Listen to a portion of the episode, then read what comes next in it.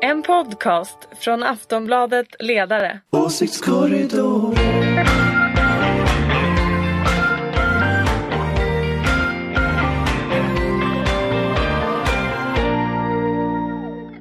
Hej och välkomna till ännu ett lite höstruskigt Åsiktskorridoren. Jag heter Ingvar Persson och tillsammans med mig finns som vanligt Ulrika Schenström, moderat och chef för den liberala och gröna tankesmedjan Fores.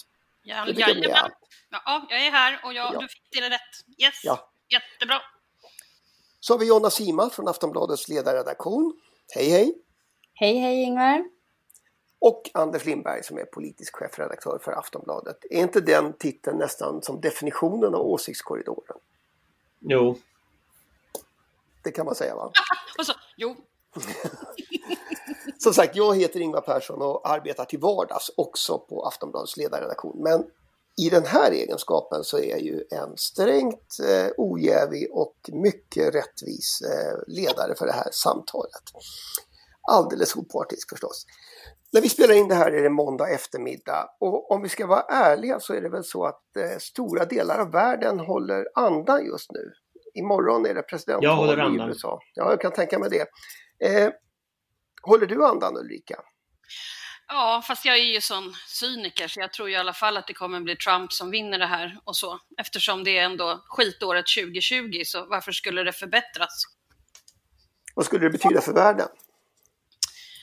Ja, alltså på ett sätt så kan han ju inte bli president igen i och för sig.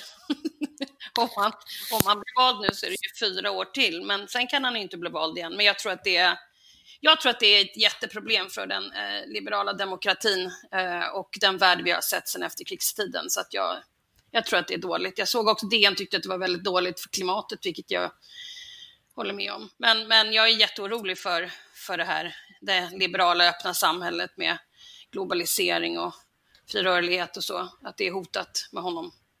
Du ser det ju även i Ungern och i Polen, det är ju samma, det är ju samma krafter. Jonna, är du också orolig? Ja, usch, eh, man har en dålig känsla i magen. Allting har ju pekat åt eh, Bidens håll under så lång tid. Men det gjorde det ju sist också, så vände det på två, de två sista dagarna och det ser ut att bli jämnare än vad alla experter och alla eh, undersökningar har visat. Så ja, man är väldigt orolig och undrar vad, vad är det för värld vi kommer få de här närmsta åren? Om Trump sitter kvar. Ja, då får vi väl be Anders också sticka ut hakan och svara på eh, vad, du, vad har du för känsla i magen?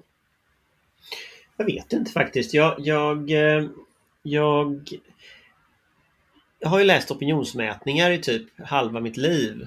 Och tittar man på opinionsmätningarna så tyder ju allting på att Biden vinner.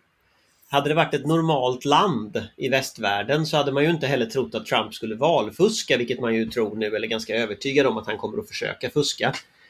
Ehm, så att jag menar, hade ett normalt läge så hade det här varit avgjort. Då hade Biden varit färdig och man kunde liksom packa ihop det här och öppna champagnen i princip. Ehm, men det är inget normalt läge. Ehm, och och traditionellt så är det ju också så att högerextremister och högerpopulister de avgår inte för att de förlorar val. De riggar valen så att de kan sitta kvar. Och det är väl det vi ser nu att Trump håller på att göra, eller försöker göra. Att han undergräver förtroendet för valsystemet. Eh, han börjar liksom prata om att använda våld mot politiska motståndare på ett sätt som, eller inte prata om, de använder våld mot Demokraterna. Eh, och sen hyllar Trump dem. Eh, så att det blir liksom en slags, eh, en väldigt farlig situation. Så att just det här läget som så här, experter på auktoritära partier och, och på något sätt totalitär politik, de brukar varna för. Alla de varningstecknen finns ju nu. Så att hade det varit normalt, ja då hade Biden varit hemma, men det vet vi ju inte i dagsläget. Valfusk, det är ett starkt ord. Ja, nej, men det handlar ju om valfusk naturligtvis. Eh, och eh, jag menar att ogiltigförklara motståndarens röster är valfusk. Sen om man hittar liksom ett sätt att göra det på som, som man kan så här lura igenom någon slags lagstiftning. Det spelar ju ingen, det spelar inte jättestor roll om det är så här Lukasjenko som, som eh, trycker i valsedlar i en vallåda eller om, om man eh, strategiskt ogiltigförklarar den politiska motståndarens röster med något annat sätt. Liksom. Det, är, det är samma på något sätt problematik som ligger här. Och jag menar, tittar vi på den typen av regimer som gör på det här sättet så får du gå till så här, Maduro i Venezuela, du får gå till, till, till eh, Trumps partivänner, Orban i Ungern och sådär. Det är ju någon trend av auktoritära metoder som kommer nu. Liksom. Så att jag, men jag vet inte. Amerikanska institutionerna är ju jättestarka samtidigt. Ulrika? Nej, jag vet inte riktigt vad jag ska tillägga där, men, men än, än det som både eh, Anders och Jonna har sagt. Alltså det, det kan ske vad som helst. Alltså jag, jag, tycker att det går ganska snabbt nu. Det går ganska fort i bara det vi hörde från Polen om, om, om äh, aborter. Alltså det, det, är en massa frihetliga saker som tas bort från människor och äh, de krafterna tror jag vi måste... Och, och, och, och, och när det då sker så är jag ju orolig för att det inte Eh, liberala krafter tar tag i sånt som kan öka tryggheten, sånt som kan öka tilliten till vårt samhälle, som också kan öka tillväxten, som ju är bra för både klimat, arbetsmarknad, allt möjligt. Så att eh, vi behöver ju, nu säger jag det igen efter sju år i den här podden, vi behöver ju reformer som, som skapar tillit till samhället, som skapar trygghet i samhället och som också eh, ökar tillväxten. Och Eh, när vi då springer omkring och bråkar om vem som ska eh, vem som ska rösta ner vem i riksdagen eller någonting sånt där så blir det ju det är lite låg nivå på, på allvaret utan någon borde ju sätta sig ner och göra det här jobbet istället för att springa runt och, och bråka om jätteviktiga saker. Jag säger inte att det inte är viktigt med LAS-frågan, inte det, men försök ta er kragen och börja titta lite längre bort. Vad är det vi står inför på riktigt? Så att jag tror att det här presidentvalet kan ha, i allra högsta grad kan ha inverkan på vårt eget politiska landskap här hemma. Är det en optimistisk eh, Jag försöker ju alltid vara optimistisk eftersom jag till slut tror att det kommer att vara någon som tar tag i reformarbetet och att något parti kanske nyktrar till och inte bara håller på eh, med, med eh, missförtroendevoteringar utan annat eh, och faktiskt eh, gör det som man ska göra när man eh, har ett parti. Men, men än så länge har jag inte sett det. Men som sagt, var all, alltid optimist så, men var också se också hur saker och ting verkligen ser ut, för annars så kan man inte, man, man kan inte bara låtsas att, att äh, kartan ser ut som den gör på något annat sätt än den gör och då är det bättre, för det är väl enda sättet att kunna i framtiden då fortsätta vara optimist. Men jag, tänker också, jag, jag, tänker också att vad vi ser nu är en situation där, där den här typen av liksom konfliktlinjer som finns i amerikanska valet nu kommer också in i den svenska politiken. Jag såg att eh, Sveriges Television gjorde reklam för sin valvaka. Och då hade man bjudit in, nu har de säkert bjudit in fler, men de de gjorde reklam för, då hade de bjudit in Carl Bildt, Mattias Karlsson från Sverigedemokraterna, Cecilia Malmström eh, från, från Folkpartiet och Liberalerna och sen eh, eh Peg Parnevik som ju är född och uppvuxen i Florida om jag inte minns fel. Eh, och, och då har du liksom, då har du tagit bort vänstern från debatten. Vänstern är inte med. Eh, utan konflikten står mellan liberala och nationalistiska krafter. Eh, förlåt. Och, och, den, den typen av liksom konfliktlinje, eh, dels så tar den ju bort halva befolkningen som är vänster. Men dels så visar den ju att man har accepterat den världsbilden som Trump har, som liksom den här på något sätt amerikanska valrörelsen har. Och det ser vi allt oftare i Sverige, att liksom konflikten står mellan DN och, och, och, och SD på något sätt. Eh, vilket ju är strunt. Alltså det, det, det, är ju inte de konflikter som finns, det är inte de intresseskillnader som finns i samhället. Eh, utan det här är ju någon form av acceptans av en världsbild där eliten står mot folket. Och jag menar Carl Bildt, denna, denna adliga och på, på, alla sätt förträffliga tidigare statsminister, ska då vara liksom den liberala demokratins förkämpe mot den folkliga Mattias Karlsson. Och det är liksom tolkningen som SVT vill berätta för oss är, är tolkningen i valrörelsen. Men den utvecklingen, har, den utvecklingen ser vi ju i stora delar av världen. Alltså tänk uh, franska valet sist när det stod mellan Macron och Le Pen. Um, att uh, den uh, ideologiska ty tyngdpunkten har flyttats högerut. Och även här skulle man ju kunna påstå det. med det svenska valet att, att vi har en socialdemokratisk regering nu som samarbetar med liberala partier. Vi har ju någon slags förflyttning. Men jag tycker ändå det är dåligt av SVT.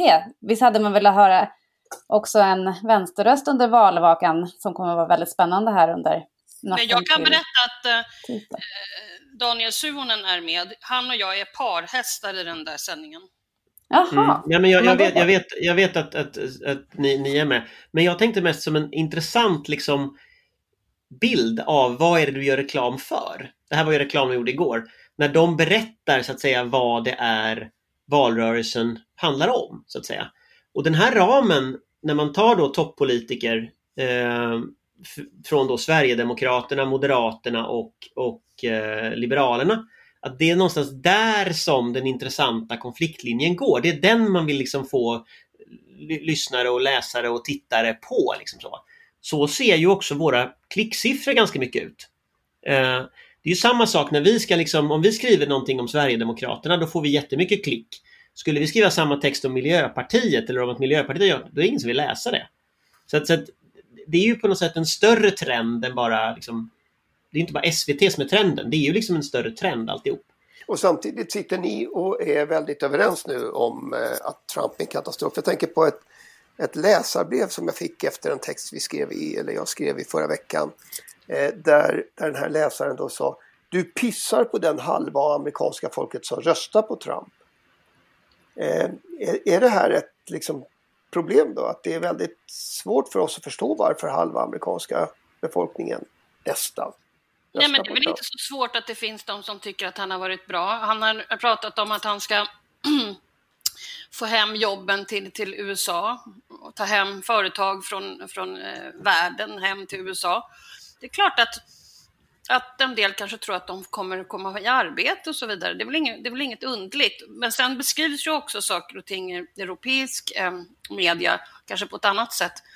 Eh, men, men, men, samtidigt som han gör det så bygger han en mur mot, mot, eh, mot Mexiko. Det, det, är ju helt, det är ju helt sjukt. Om du tar en president som Ronald Reagan, han sa, vad sa han när han var i Berlin? Ta, eh, vad sa han? Ta ner den här muren. Take down this wall. Take down this wall, Mr Gorbachev.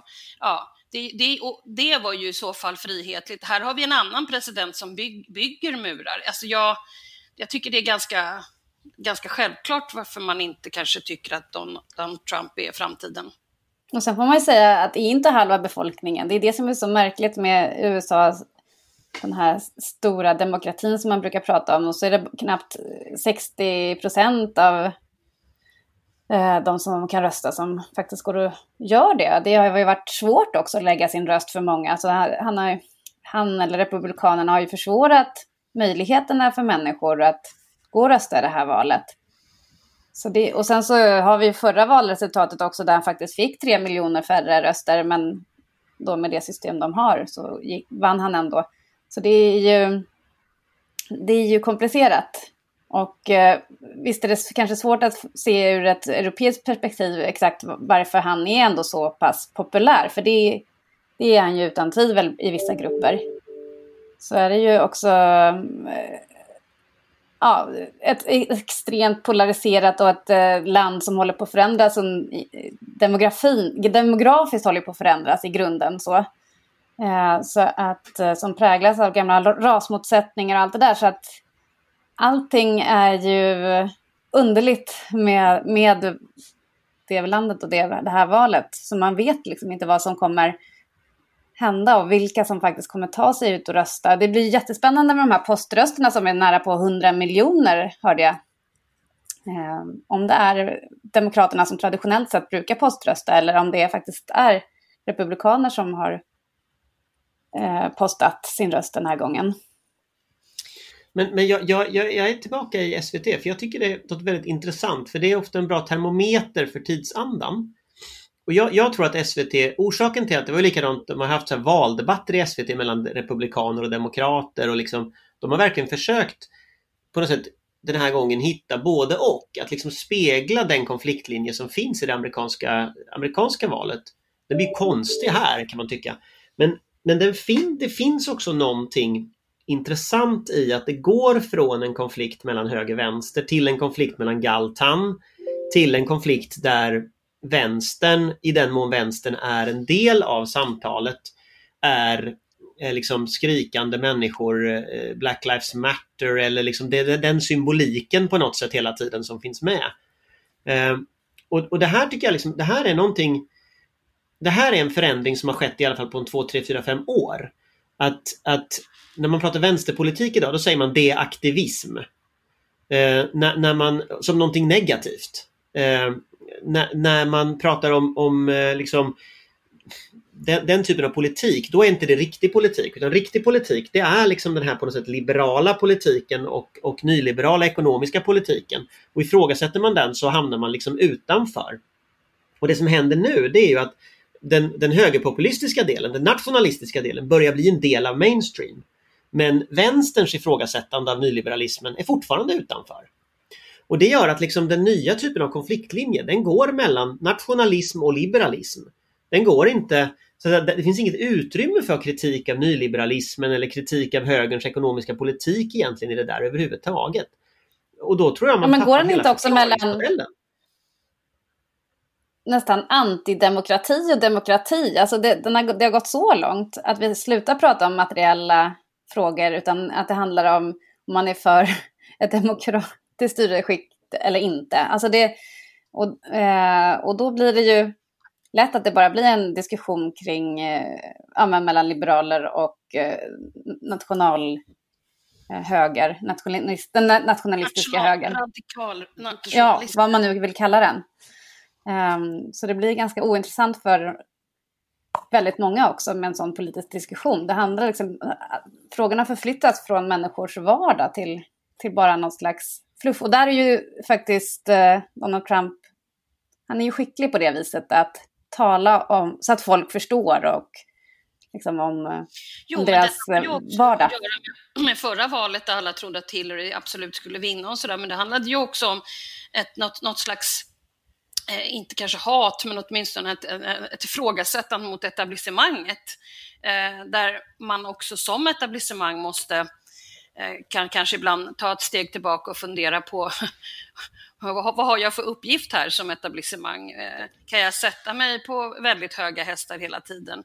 Då, till slut får du ju en smäll ifall du inte är tillräckligt ödmjuk för att förstå varför du är där. Och det är därför jag alltid tjatar om innehållet i politiken. Därför det är då det kan mätas. Man ska inte bara sitta där för att man vill ha en fin bil, man får åka flygplan till EU-toppmöten och man får en fin titulatur. Utan det, och det får inte handla om vem som får gå på vilken kungamiddag eller så, utan det måste handla om att förändra och förbättra för andra människor ifall du ska vara politiker.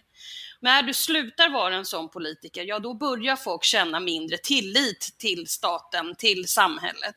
Och då börjar såna här krafter kunna ta vid. Och så åker de med i strömmen på det. Så det Men om är ska- livsfarligt när man liksom som politiker Ja, men då kan man ju fortsätta bara ger upp liksom.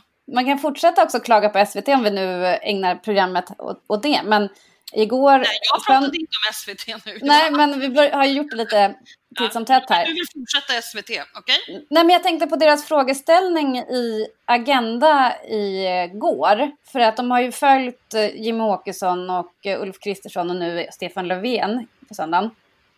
Och då var ju frågeställningen hur ska han lyckas behålla makten? Det handlade ju ingenting om sakpolitik då, utan bara som att det var, att, ja, som du säger, att han vill sitta på makten för maktens skull. Och det, då, Absolut. det I agree.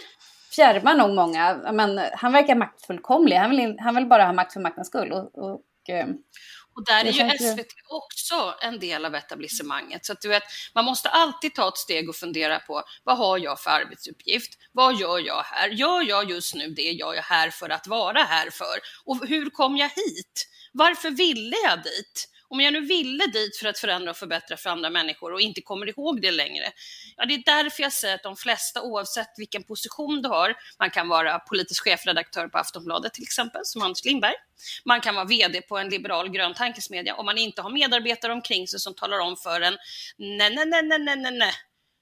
Då har man fel människor omkring sig. Så att det är ju, det är ju man måste ju Den- den veta vad risken- den risken- Nu är jag lite inne på Machiavelli. Ja, jag hör det. Men den risken har vi inte på Aftonbladets ledarsida för där är vi aldrig överens om någonting. Men, men jag, jag tänker att jag vill gå tillbaka till den frågan Ingvar ställde. Eh, och och liksom, ja, för jag tror att hans, jag tror att Ingvars poäng var att vi egentligen är en elit som inte begriper oss på Trump och därför begriper vi oss heller inte på SDs väljare och därför är vi allmänt liksom, att vi egentligen bara illustrerar vår egen tes. Eh, och det gör naturligtvis SVT också då, eftersom vi nu pratar om SVT. Att den mediabubblan, vi, vi finns ju i samma bubbla på något sätt. Och vi mäter ju framgång genom att nå så många människor som möjligt. Och jag tror en av orsakerna till att liksom, SVT Agenda har gått liksom så långt åt höger i frågeställningar och sånt. Det är naturligtvis att de vill nå en del av befolkningen som de inte upplevde att de nådde förut. Därför att man, man helt enkelt upplevde som för vänster. Eh, och nu vill man nå liksom Sverigedemokrater, det är därför de är med i varje avsnitt och ska kommentera eller det är därför Mattias Karlsson ska kommentera valvakan och så. Eh, men, men jag tänker att den större kartan här, den är ju Är det en konflikt mellan folket och eliten? Är det en sann bild av politiken? Ja, det och där skulle jag ju vilja säga att det är den inte. Nej, men jag... eh, så. Och, och, det är ändå en invändning tycker jag mot den där, den där bilden. Det här är faktiskt inte verkligheten. Det här är liksom högerpopulisternas världsbild som får genomslag. Men det är inte så. Det är inte så konfliktlinjerna ser ut. Konfliktlinjerna ser vi nu i förhandlingsrummen när fack och arbetsgivare förhandlar våra löner till exempel. Det kommer påverka fruktansvärt mycket. Där har vi riktiga konflikter. Eh, eller om vi har en sjukvård som fungerar. Eller om vi har en skola som fungerar. Det är riktiga konflikter, eller hur ekonomin går. Men i den här högerpopulistiska världsbilden, folket och eliten, då försvinner de där. De blir liksom rekvisita bara. Och det tycker jag är ett större problem faktiskt med, med jag ville invända lite mot Ingvars frågeställning lite grann där på ett sätt. Samtidigt har du ju rätt i, vi är ju naturligtvis helt fel personer att uttala oss om någonting. Nu, Får jag var, citera nu, ja, nu var det ju inte, ja, nu var det inte min fråga utan en läsares. Men, eh, men du gjorde dig till talesperson för denna fråga. Ja. Det var en klok fråga. Eh, jag tänkte att faktiskt eh, vi skulle kunna prata om det amerikanska valet ända till vi har ett valresultat. Eh, men då får vi aldrig ut podden. Så jag, jag tänkte faktiskt att vi skulle gå vidare och ta lite grann utav där vi egentligen befinner oss i samtalet nu. Eh, Anders beskrev ju det här med eh, hur vänstern har försvunnit ur debatten. Nu fick vi ju faktiskt här hemma en ny partiledare i helgen. Eh, Nooshi Dadgostar. Och apropå fina uppdrag så fick ju hon det finaste uppdrag en människa kan få eh, enligt sin egen utsago. Eh, och som vanligt, som alltid när man får en ny partiledare så signalerade hon väl en nystart. Men frågan till er då blir ju, har vänstern en plats i det politiska landskap som vi ser växa fram nu? Eller Vänsterpartiet ska vi Ja, absolut. Utveckla det Jonna. Vilken då? Eh, nej, men det finns ju såklart, alltså ännu mer idag än eh, för fyra år sedan eller ja, sen vi har fått det här mer eh, liberala socialdemokratiska liksom, mittensamarbetet till regering. Så är klart att det är många som vill höra ett vänsteralternativ. Och det märker man ju också på deras förtroendesiffror och opinionsmätningar. Eh, och att, eh, att partiet växer, särskilt under Jonas Sjöstedt. Så det blir ju tungt för Nooshi Dadgostar att ta över nu för att eh, ja, de har ju fått väldigt många nya sympatisörer känns, känns det som i alla fall. Eh, och de har ökat i medlemsantal och sådär. Eh, och det är ju just för att man tycker att politiken som regeringen driver är för, ja, men som man säger, marknadsliberal och att, att eh, ehm, det gör, gör liksom, att, att Socialdemokraterna har tummat för mycket på sin egen ideologi i det här samarbetet. Så att jag tror att de har stora förutsättningar för att kanske inte växa eh, och bli eh, de nya Socialdemokraterna som verkar vara drömmen hos dem just nu, att bli det nya stora partiet inom arbetarrörelsen. Men eh, jag tror att de kan bli farliga om två år. Men då måste de sluta ropa efter vargen hela tiden och så säga det igen och kanske börja beskriva vad det är de vill långsiktigt med saker och ting. När de ropar efter vargen och säger att nu ska vi rösta ner regeringen. Men det kommer de ju inte att göra därför att det finns en större fråga här och det är att de inte skulle vilja bidra till att Sverigedemokraterna fick inflytande. Så att jag, jag hoppas hon kommer då med i så fall med lite mer innehåll kanske, om vad hon tänker sig lite längre fram och vilket perspektiv. Alltså jag, jag, jag, tänkte, jag intervjuade för något tag sedan eh, Hanna Sederin som har skrivit deras nya, eller varit med och skrivit, lett arbetsgruppen som har skrivit deras nya partiprogram. Och, och, jag frågade henne just de här frågorna som lite var uppe här nu. Alltså hur ska ni nå de här? Om ni, om ni ska nå LO-män på landsbygden, vilket ju någonstans är liksom den här retoriken ska landa där. Hon pratar om Grums och hon pratar om den typen av ställen. Hur ska ni göra? Och då ska jag säga att avståndet mellan den politik som Vänsterpartiet har just nu och de personerna är väldigt långt. Eh, Vänsterpartiet har väldigt mycket av en en eh, liksom intersektionell analys. Man pratar om väldigt många olika typer av förtryck. Eh, man vill vara ett antirasistiskt parti, ett ledande sånt, ett ledande miljöparti. Man vill vara ett ledande feministiskt parti och man vill vara ett ledande arbetarklassparti. Eh, man har liksom en väldigt, väldigt bred bild av vad man är. Som inte lirar med de grupper man vill nå överhuvudtaget. Eh, nu är jag från Göteborg. I Göteborg så såg man Vänsterpartiet som ett parti av socialsekreterare och bibliotekarier brukade man säga när jag var liten. Eh, det är naturligtvis taskigt, men det var så LO i Göteborg i alla fall såg på dem. Eh, Nooshi Dadgostar är också från Göteborg, men det är ett väldigt, väldigt avstånd från den, den bilden av Vänsterpartiet. Vilka som är Vänsterpartiet och det parti de vill skapa. Eh, jag lyssnade lite på den där debatten de hade igår och de pratade ju så här lyfta fram företrädare med arbetarbakgrund. Alltså de hade ett antal idéer, så det, absolut, det finns idéer här.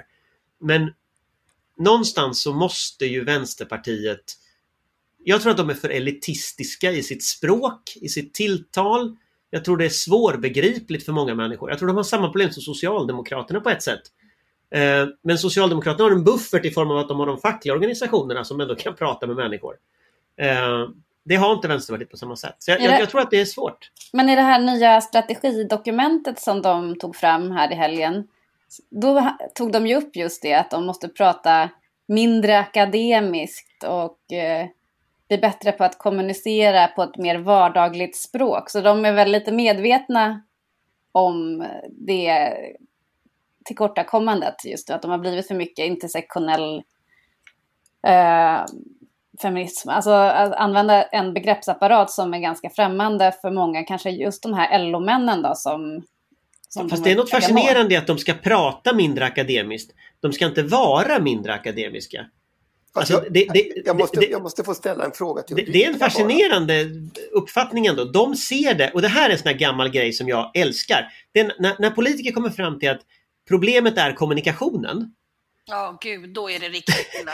då vet man liksom att ojsan, här finns det ett problem. Det är som när man liksom... hör en partisekreterare säga våra siffror är dåliga. Ja, vi har inte lyckats nå ut med vår kommunikation. Då vet man att de inte har någon plan överhuvudtaget. Men, är det någonting som Jonas Sjöstedt har varit bra på så är det ju kommunikation, så det är ju lite märkligt. Ja, men är det inte Alltså är det inte också så att man alltid borde vara misstänksam när man skriver ett dokument om att man ska bli mer folklig? Jag kan inte låta bli att påminna mig, visst var det väl så Ulrika att det fanns... Ja, jag visste att nu kommer det. Alltså, Inga pärlhalsband. Den dagen den där um, broschyren kom, jag tror att det var, du vet, då, då körde jag tredubbelt um, pärlhalsband. Jag förstår det. Mm. Någon måste ju vara punk också i Moderaterna. Fast det, det, det, jag, jag, jag har aldrig sett mig som Moderaternas svar på Vivian, alltså Vivian Westwoods moderat. Men, men, min reflektion när jag såg den där, eh, när jag såg henne prata igår. Förrgår, nej det var igår. Nej, ja, det var igår. Var det. Jag rör ihop dagarna här för att det är så höst ute. Eh, det var en, en penna som Socialdemokraterna tog fram för 15 år sedan kanske. Som det stod Ett parti i människors vardag. Och ett parti som måste trycka upp en penna där det står att man är ett parti i människors vardag, då vet man att de är absolut inte i människors vardag. Det är som så här, idag var kapten nykter. Man, man säger egentligen någonting helt annat när man säger detta. Och det är liksom den där pennan, jag kommer ihåg den, jag gick faktiskt jag letade efter den här pennan men jag hittade inte den. Här. Eh, men jag borde ha den någonstans i gömmorna. Men det är så här total liksom PR-grej, att man, man tänker att man vill ha en bild och så försöker man få den där bilden då. Men jag tycker det ska bli jätteintressant. Alltså det är ju den här Greta-generationen som kommer få rösta i nästa val. Eh, som har präglats av ja, men klimatrörelsen, Black Lives Matter-diskussionen, feminismen och sådär. Eh, som Nooshi Dadgostar också tilltalar på ett annat sätt. Eh, så att jag, jag tror Nej, men att man har strategin- många goda haft den förutsättningar. strategin, men hade hon haft den strategin, då hade jag känt att ja, men då har hon den idén. Men just nu pratar hon ju om Grums. Det var ju hennes liksom målbild. Och, och det här är ganska intressant. Jag undrar om inte svenska ungdomar och de här utanförskapsområdena, där skulle Vänsterpartiet kunna bli hur stora som helst.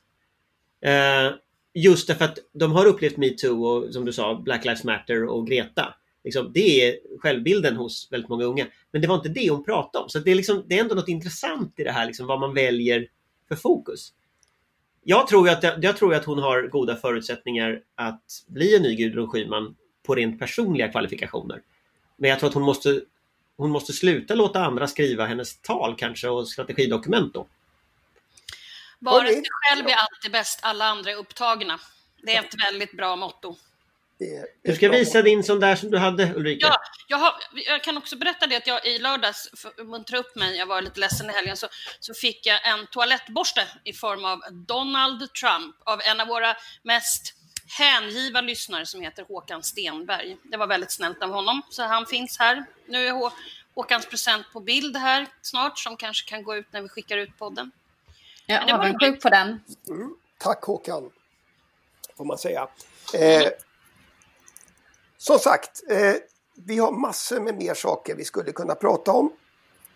Eh, och det borde vi säkert göra, men inte idag. Därför att nu har vår halvtimme gått. Eh, och det är dags för att samla ihop sig för valvaka inför morgondagen.